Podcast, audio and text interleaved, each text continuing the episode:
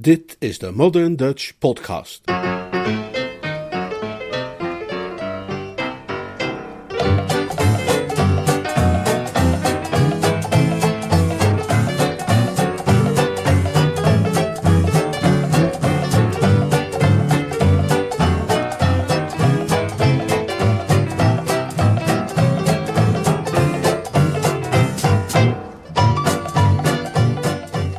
Graag gedaan.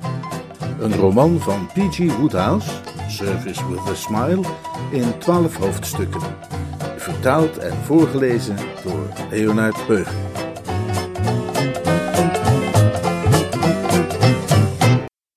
Het was een paar uur later dat Pongo Twistleton, die voor het diner even een opfrissertje aan het verschalken was in de rooksalon van de Drones Club, door de kelner gewaarschuwd werd dat er een heer in de hal stond die naar hem vroeg, waarop er een schaduw viel over zijn kalm gemoed. Maar al te vaak, wanneer er heren in de hal stonden die leden van de Drones Club wensten te spreken, had hun bezoek te maken met openstaande rekeningen voor geleverde goederen of overschrijvingen die nu toch spoedig verwacht werden. En Pongo wist dat zijn eigen zaken ook niet geheel en al in orde waren. Is hij, uh, is hij kort van stuk en, en stevig gebouwd? vroeg hij nerveus zich de vertegenwoordiger van de firma Hicks en Adrian herinnerend, bij wie hij in het krijt stond voor een vorstelijke som aan overhemden, sokken en ondergoed. Uh, verre van dat, hij is lang en prachtig slank, zei een joviale stem achter hem. Misschien is rank het woord waar ik naar zocht. Oh, hallo, onfret, zei Pongo opgelucht. Ik dacht dat u iemand anders was. Wees gerust, dat ben ik niet. Het is ik en hem tot uw orders voor nu en nog eens. Ik ben zo vrij geweest maar even door te lopen, beste Pongo, overtuigd van een hartelijk welkom door mijn favoriete neef. Wij Ickenhams wachten niet graag in hallen. Het kwetst onze trots. Uh, wat drink jij daar? Bestel er ook maar zo een voor mij. Het zal vermoedelijk de vaatwanden verharden, maar die heb ik graag hard. Uh, Bill niet bij jou vanavond? Nee, hij moest naar Bottleton East om wat spullen op te halen. Heb je hem vandaag nog gezien? Nee, ik ben niet meer langs mijn appartement gegaan. Uh, kan ik u uitnodigen te blijven eten? Dat wilde ik juist voorstellen. Uh, het zal voorlopig je laatste kans zijn. Ik vertrek morgen naar kasteel Blandings. Wat? Waarheen?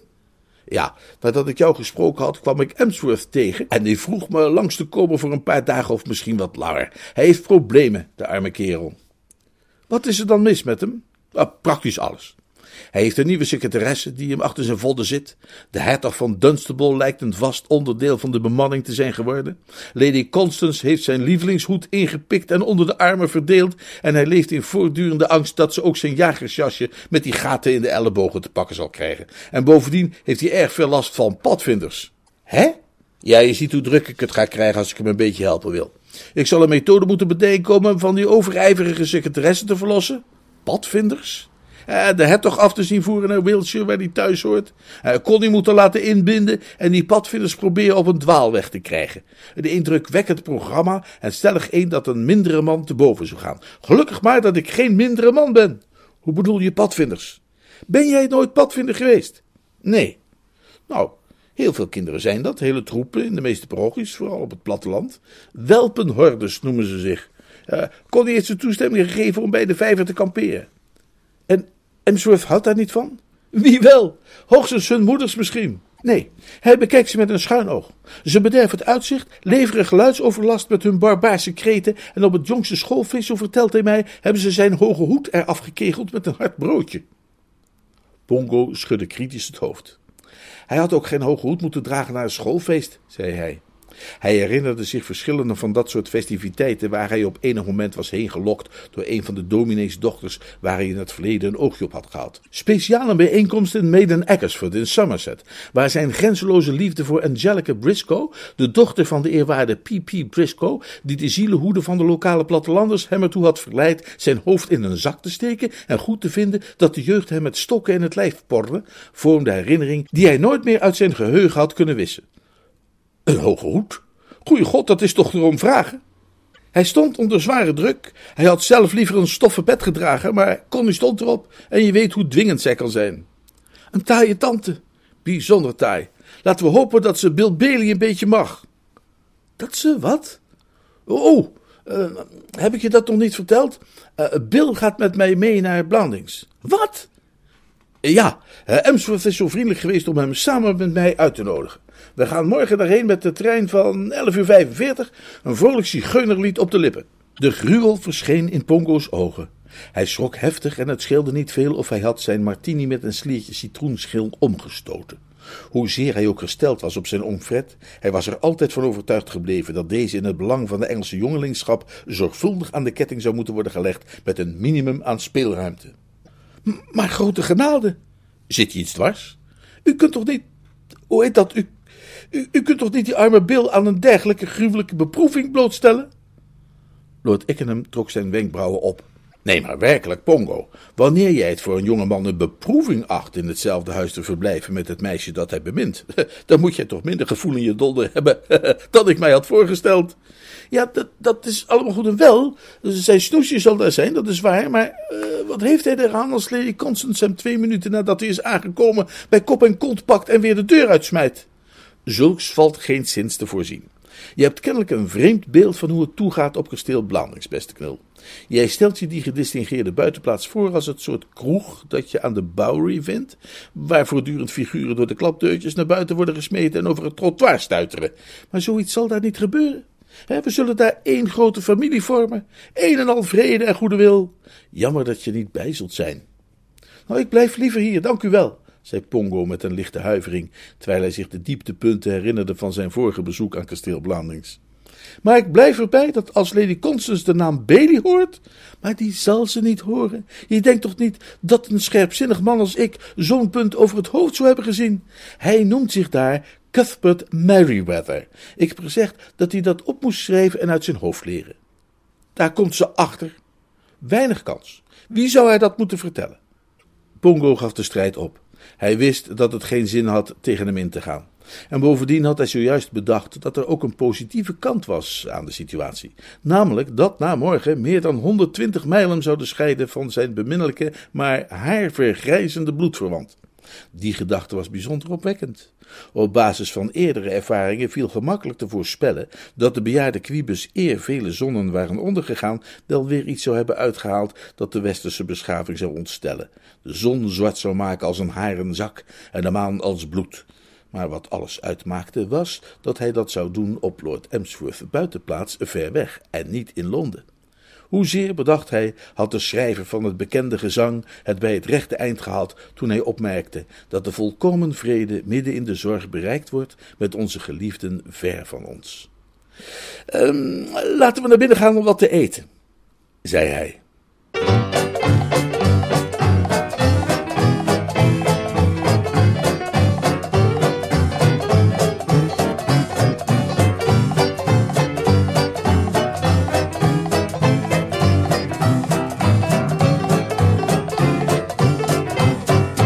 Hoofdstuk 3 Een van de dingen waardoor Lord Emsworth zulk aangenaam reisgezelschap vormde, was het feit dat hij kort na het begin van iedere reis stevast in een rustgevende slaap verzonk. De trein waarin zijn gasten en hij naar Market Blandings reisden, was om 11 uur 45 weggegleden van het perron, precies zoals de spoorwegautoriteiten, stipt als ze graag zijn, hadden beloofd. En om twaalf uur tien lag hij met gesloten ogen achterover in zijn stoel en maakte fluitende geluidjes, zo nu en dan onderbroken door een licht gesnork. Lord Ickenham kon zodoende rustig met het jongste lid van het gezelschap spreken, zonder het risico te worden afgeluisterd, wat altijd handig is wanneer men complotten wil smeden. Zenuwachtig, Bill? vroeg hij, terwijl hij de eerwaarde Cuthbert meelevend aankeek. Hij leek te hebben opgemerkt dat de ander tijdens de eerste momenten van de reis een neiging had vertoond tot nerveuze schokbewegingen, als een kikker die met elektroden is verbonden, en dat zijn blik wat glazig was geworden. Bill Bailey haalde diep adem. Ik voel me net als toen ik het trapje van de preekstoel opklauterde voor mijn eerste preek. Ik begrijp het volkomen. Hoewel er voor een jongeling die aan het begin staat van zijn leven geen dankbaarder pedagogisch experiment is dan een verblijf op een vreemd landgoed onder een valse naam, heeft zoiets toch de neiging te leiden tot gevoelens van vrees. Pongo, die toch uit een heroïsche familie afkomstig is, voelde zich precies zo toen ik hem meenam naar kasteel Blandings als Sir Roderick Glossop's neef Basil. Ik weet nog dat ik tegen hem gezegd heb hoezeer hij mij op dat moment deed denken aan Hamlet. Uh, dezelfde somberheid en besluiteloosheid, samen met een sterke neiging om de trein te verlaten en terug te wandelen naar Londen. Zelf ben ik inmiddels zozeer aan dat soort dingen gewend dat ik het tegenwoordig eigenlijk een beetje flauw vind om bij mensen te gaan logeren onder mijn eigen naam. En ik heb dat plankenkoortsgevoel dat ik toch ook eens gehad moet hebben en niet meer. Al kan ik me goed voorstellen dat dit soort ervaring voor een novice best heftig is. Je preek was wel een succes, mag ik hopen? Nou ja, ze hebben de preekstoel niet afgebroken. Je bent te bescheiden, Bill Bailey. Ik durf te wedden dat ze lagen te gieren in de gangpaden en dat de ergste op een brancard moesten worden afgevoerd. en ik weet zeker dat ons bezoekje aan kasteel Blandings minstens zo succesvol zal zijn. Je vraagt je waarschijnlijk af wat ik ermee hoop te bereiken. Eh, niet zozeer iets definitiefs, maar het lijkt me essentieel dat je een oogje kunt houden op die Archibald Gilpin, over wie ik zoveel heb gehoord. Eh, volgens Pongo is het een kunstenaar, en je weet hoe gevaarlijk die zijn. Houd hem goed in de gaten. Elke keer dat hij Myra na het diner uitnodigt voor een wandelingetje naar de grote vijver om naar het maanlicht te kijken dat op het water glanst, eh, en op de padvinders uiteraard, want ik begrijp dat die daar nog steeds kamperen, moet je zorgen dat je erbij bent. Ja. Zo mag ik het horen. En hetzelfde geldt voor iedere poging van hem om jouw poppetje. Is dat de term die je gebruikt? Nee, dat is niet de term die ik gebruik. Dat is de term die Pongo gebruikt. En ik heb hem daar al eens op moeten aanspreken. Oh, sorry. Iedere poging van hem, had ik moeten zeggen, om het meisje dat jij bemint mee te lokken naar de rozentuin, moet met dezelfde striktheid en vastberadenheid worden tegemoet getreden. Maar dat kan ik ongetwijfeld aan je overlaten. Vertel me eens, hoe hebben jullie elkaar eigenlijk ontmoet, jullie twee? Een ruig gelaat als dat van Bill Bailey zal nooit werkelijk de spiegel worden van de zachtere en meer subtiele emoties, maar toch verscheen op iets dat leek op een tedere blik.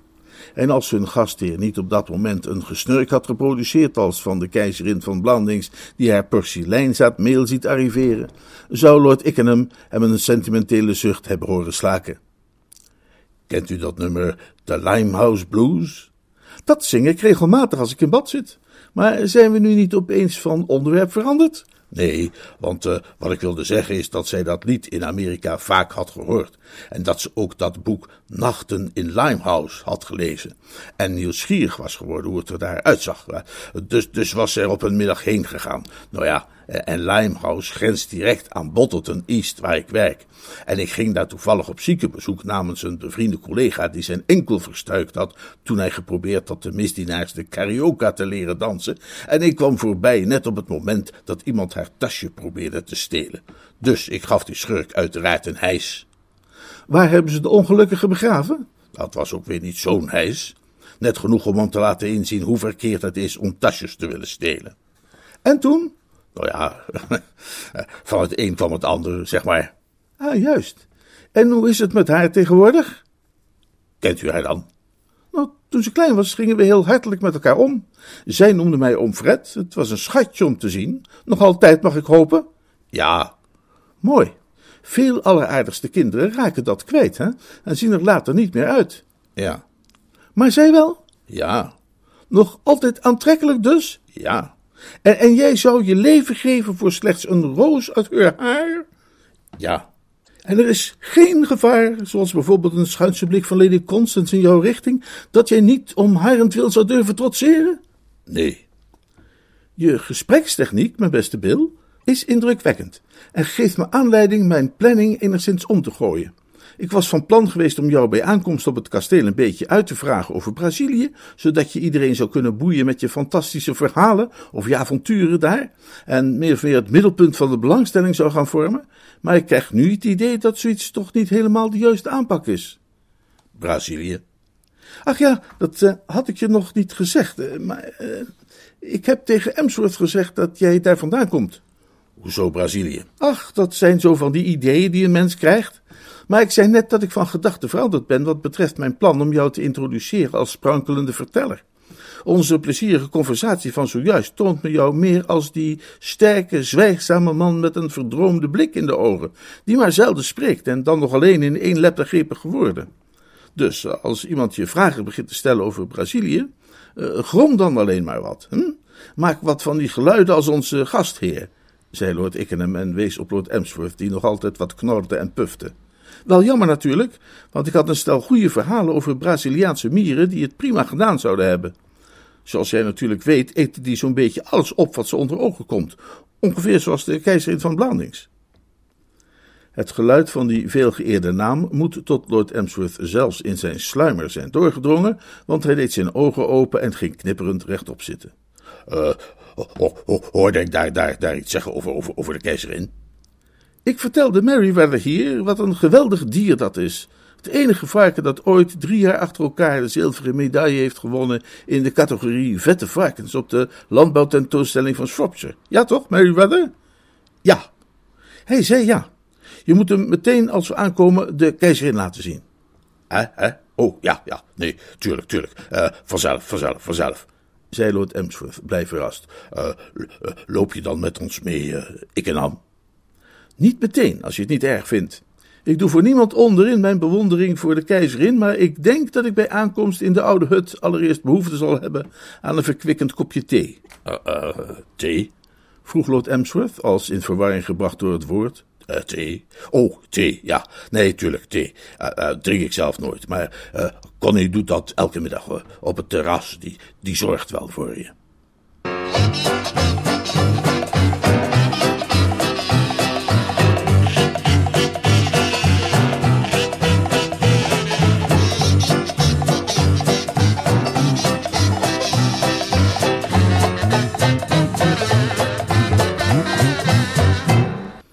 Lady Constance zat alleen aan de theetafel toen Lord Ickenham eraan kwam.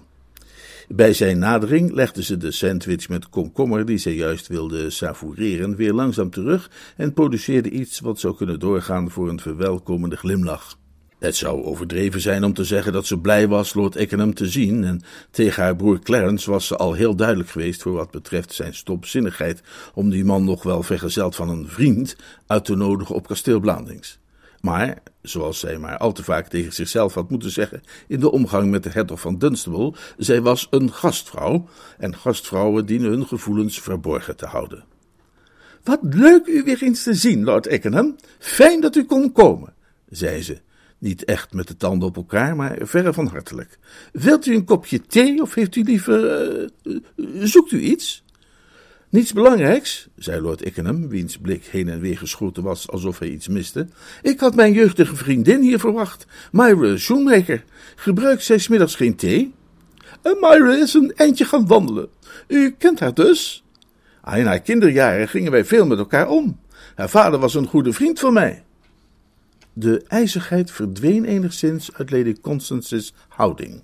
Er was niets dat haar zou kunnen doen vergeten hoezeer deze man bij een enkel kort bezoek de schier monastieke rust en vrede van kasteel Blandings had weten te bederven door het verspreiden van licht en luchtigheid, maar een vriend van James Shoemaker moest veel vergeven worden. Met bijna hartelijke stem zei ze: Heeft u hem de laatste tijd toch gesproken? Helaas al vele jaren niet meer. Als zoveel Amerikanen heeft hij de akelige gewoonte om in Amerika te wonen. Lady Constance zuchtte. Ook zij had die vreemde neiging van James Shoemaker vaak betreurd.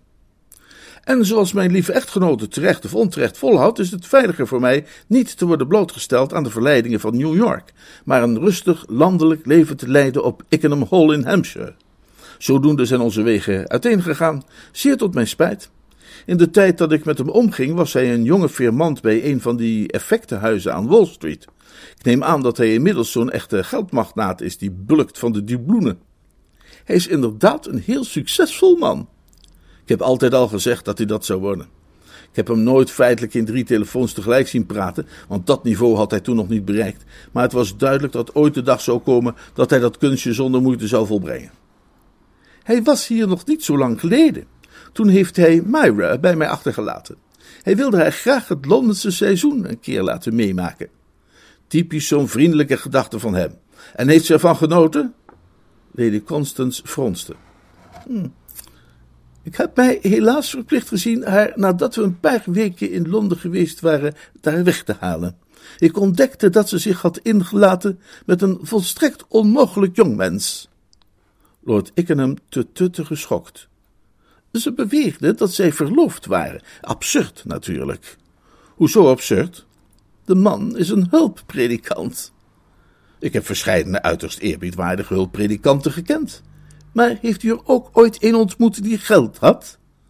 Nou, nee, ze, bezitten doorgaans niet veel. Ik, neem aan dat een hulppredikant die over de nodige vingervlugheid beschikt nog wel iets op zal weten te toveren uit het zondagse collectezakje, maar toch niet meer dan een klein, zij het regelmatig inkomen.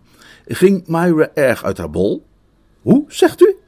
Heeft het haar emotioneel ernstig geschokt gescheiden te worden van de man van haar keuze? Ze maakt een nogal depressieve indruk. Wat ze nodig heeft is jeugdig gezelschap. Wat komt het uitzonderlijk gelukkig uit dat ik mijn vriend Merryweather meegebracht heb. Lady Constance schrok. Zij was zijn vriend Merryweather even helemaal vergeten. Emsworth heeft hem meegenomen om naar de keizerin te kijken. Hij dacht dat het een verkwikkend effect zou hebben na zijn lange treinreis. Die Merryweather zal u wel bevallen. Denkt u? zei Lady Constance.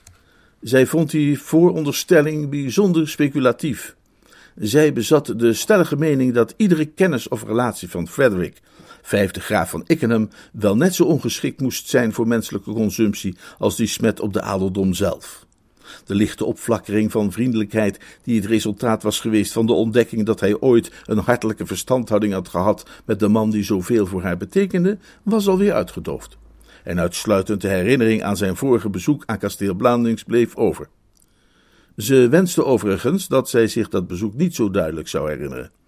Als zoveel wie het pad dat van Lord Ickenham had gekruist, wilde zij liefst het verleden vergeten. Pongo Twistleton zou zeker begrijpen hoe ze zich voelde. Kent u Mr. Merryweather al lang? vroeg ze. Van de wieg af aan. Zijn wieg, uiteraard, niet de mijne.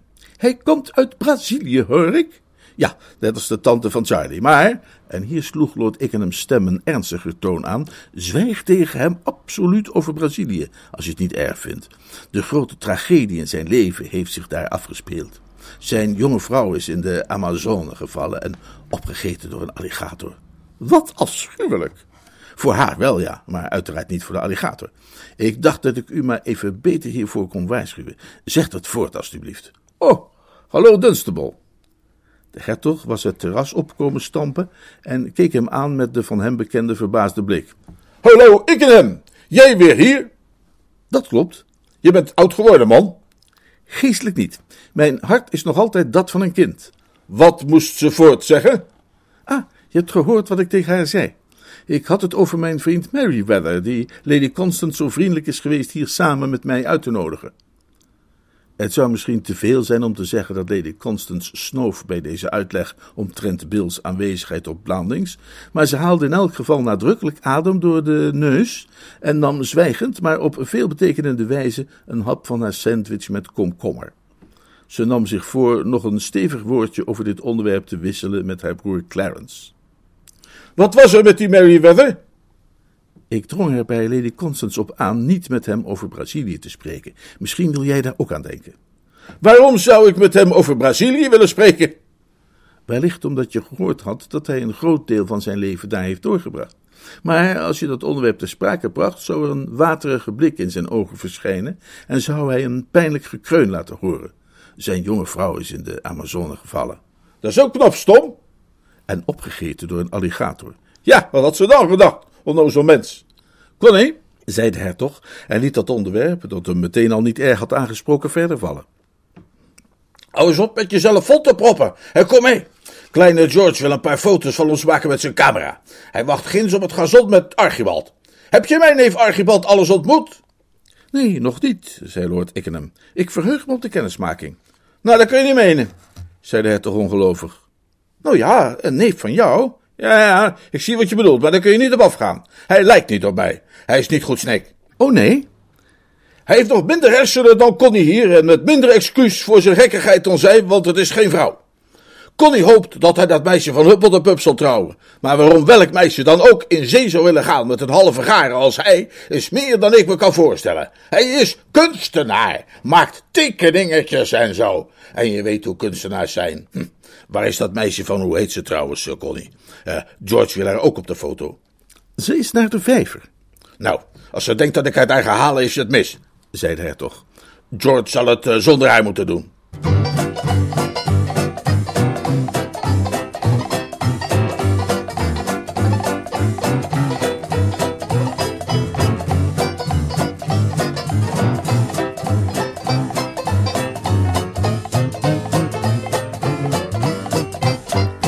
Op een heuveltje bij de grote vijver stond een soort namaak Grieks tempeltje dat Lord Emsworth grootvader had opgericht in de tijd dat kleine namaak Griekse tempeltjes in de mode waren bij landgoedbezitters. Voor dat tempeltje stond een marmeren bank en op die bank zat Myra Shoemaker en staarde met wat je noemt nietziende ogen naar de padvinders die in het water daar beneden rondspartelden. Ze was niet in de allervrolijkste stemming. Sterker nog, haar voorhoofd was nog net zo gefronst en ze had haar lippen nog net zo samengeknepen als drie dagen daarvoor, toen ze samen met Lord Emsworth de varkenstal van de keizerin had bezocht. Ze schrok op uit haar rêverie door het geluid van voetstappen op de marmeren vloer. Ze draaide zich om en zag een lange, gedistingeerd uitziende man naderen met grijs haar en een zwierige snor, die allervriendelijkst naar haar glimlachte. Hallo daar, kleine Myra, zei hij. Hij had het gezegd alsof ze oude vrienden waren, maar zij herinnerde zich niet hem ooit eerder te hebben gezien. Wie bent u? vroeg ze. De vraag klonk wat plomp verloren en ze wilde dat ze iets subtielers had kunnen bedenken. Er kwam een verwijtende blik in zijn ogen. Dat zei je nooit als ik je rug inzeepte. Niemand kan me zo lekker inzeepen als u, oom Fred, zei je dan altijd. En je had gelijk, ik had er echt slag van. De jaren vielen weg voor Myra en ze was weer een kind in haar badje. Nee, maar, zei ze op een geëmotioneerde pieptoon. Ik zie dat je het weer weet. Oom Fred, dat ik u na al die jaren terugzie. Maar ik moet nu natuurlijk Mr. Twistleton tegen u zeggen. Je zou een ernstige sociale blunder begaan wanneer je dat deed. Ik heb het ver geschopt sinds wij elkaar voor het laatst gezien hebben. Dankzij niet aflatende ijver en inspanning heb ik tree voor tree de top van de ladder bereikt en bevind mij nu op duizelingwekkende maatschappelijke hoogte. Je hebt wellicht gehoord dat er vandaag een zekere Lord Ickenham verwacht werd op kasteel Blandings. Die Lord Ickenham, waar zoveel over te doen was, ben ik. Een lord, let wel, hè? Hm? en dan geen povere baron of burggraaf, maar een heuse graaf met een kroon met negen punten en alle papieren om het te bewijzen. Net als Lord Emsworth. Ja, alleen een stuk slimmer. Ik weet nog wel dat papa een keer heeft gezegd dat u een hoge piet was geworden. Daar heeft hij dan niet bij overdreven. Hoe gaat het met hem? Prima. Vrolijk en lekker bezig? Jazeker. Dat is dan meer dan van jou gezegd kan worden, kindje. Zoals je daar zat, herinnerde je me wel heel sterk aan de denker van Rodin. Hè? Was het Bill Bailey waar je over zat te piekeren? Myra schrok. Maar kent u dan Bill Bailey? Natuurlijk ken ik die. Hij is een vriend van mijn neef Pongo en volgens mij de beste predikant die ooit de kansel heeft beklommen. De levendigheid die zich op haar gezicht had vertoond bij het terugzien van iemand aan wie ze zulke plezierige herinneringen had, was verdwenen en had plaatsgemaakt voor een kille hooghartigheid als die van een prinses die zich zeer tegen haar zin gedwongen ziet aandacht te besteden aan het schuim van de onderwereld.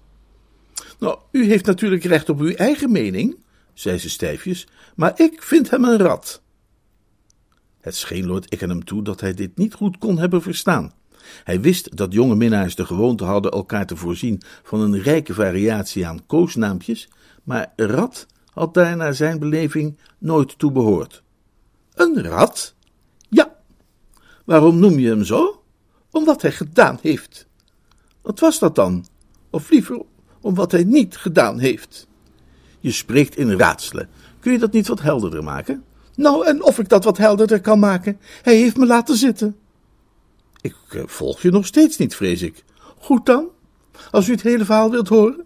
Ik belde hem op om te zeggen dat ik naar Londen zou komen om met hem te trouwen, maar hij is niet komen opdagen bij de ambtenaar van de burgerlijke stand.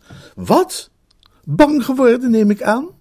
Ik had het meteen moeten horen aan de manier waarop hij, maar natuurlijk wel, zei, toen ik hem vroeg of hij dan niet blij was. Ik heb daar uren staan wachten, maar hij kwam gewoon niet, terwijl hij toch gezegd had dat hij van me hield. Het kwam niet vaak voor dat Lord Ickenham verbluft was, maar op dit moment voelde hij zich toch niet helemaal opgewassen tegen de intellectuele content van dit gesprek. Hij kwam niet opdagen? Hebben we het dan wel over dezelfde man? Degene die ik bedoel is een aankomende predikant genaamd Bill Bailey, in wiens gezelschap ik gisteren een volle drie kwartier aan de balie van het stadskantoor heb gestaan. De bedoeling was dat ik een van zijn getuigen zou zijn en zo de zaak enige standing verlenen. Myra staarde hem aan. Bent u niet goed bij uw hoofd? Die vraag is mij wel eens vaker gesteld, maar geheel ten onrechte. Ik ben hoogstens wat uitbundig van aard. Maar hoezo? Hij kan nooit op het stadskantoor geweest zijn, dan had ik hem gezien. Men ziet hem moeilijk over het hoofd, dat is waar. Hij is iemand die nogal in het oog loopt. Maar ik verzeker je, op het stadskantoor van Wilton Street. Zeg dat nog eens. Zeg wat nog eens? Wilton Street? Waarom? Omdat ik even een theorietje wilde uitproberen dat me te binnen schoot. Ik geloof dat ik de oplossing heb van het raadsel dat ons zo heeft verbijsterd. Iemand zou, speciaal als hij nogal opgewonden was, wanneer hij iemand Wilton hoorde zeggen door de telefoon, gemakkelijk bij vergissing Milton kunnen verstaan. Akoestisch probleempje, hè? Het was op het stadskantoor van Milton Street dat Bill, mijn neef Pongo en ik vruchteloos stonden te wachten. We hebben je allemaal erg gemist. De kleur trok weg uit Myra Schoenmakers gezicht. Haar ogen, waarmee ze Lord Ickenham aanstaarde, puilden bijna zo ver uit als die van de hertog. Dat meent u niet! Toch wel? Dat was waar wij onze waken hielden. O, lieve hemel, dan ben ik maar ternauwernood ontsnapt. Lord Ickenham kon zich niet met dit gezichtspunt verenigen. Eh, daarover moet ik toch met je van mening verschillen. Ik ken Bill Bailey nog niet zo lang, maar zoals ik al zei, ik heb een uitgesproken positieve indruk van hem gekregen. Hij leek mij een man met een gouden hart. De spirituele noden van Bottleton East zijn veilig in de handen van een dominee als hij.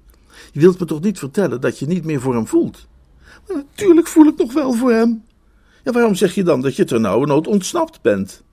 Omdat ik, toen ik hier terugkwam, zo kwaad op hem was dat hij mij had laten zitten, naar ik dacht dat ik bijna het huwelijksaanzoek dat Archie Gilpin mij deed had aangenomen. Lord Ickenham keek ernstig. Die kunstenaars, dacht hij, die zijn toch razendsnel in die dingen. Maar dat heb je dus niet gedaan. Nee, mooi, dat moet je ook niet doen. Dat zou Bills hele bezoek hier bederven. En ik zou willen dat hij het naar zijn zin zou hebben op kasteel Blandings. Oh, maar dat heb ik er nog niet bij verteld. Dat moet me ontschoten zijn. Ik heb Bill meegebracht hier naartoe. Incognito, uiteraard. Ik dacht dat jij hem wel graag zou willen zien. Ik streef er altijd naar om waar het maar mogelijk is licht en luchtigheid te verspreiden. Daar zijn al veel klachten over geweest.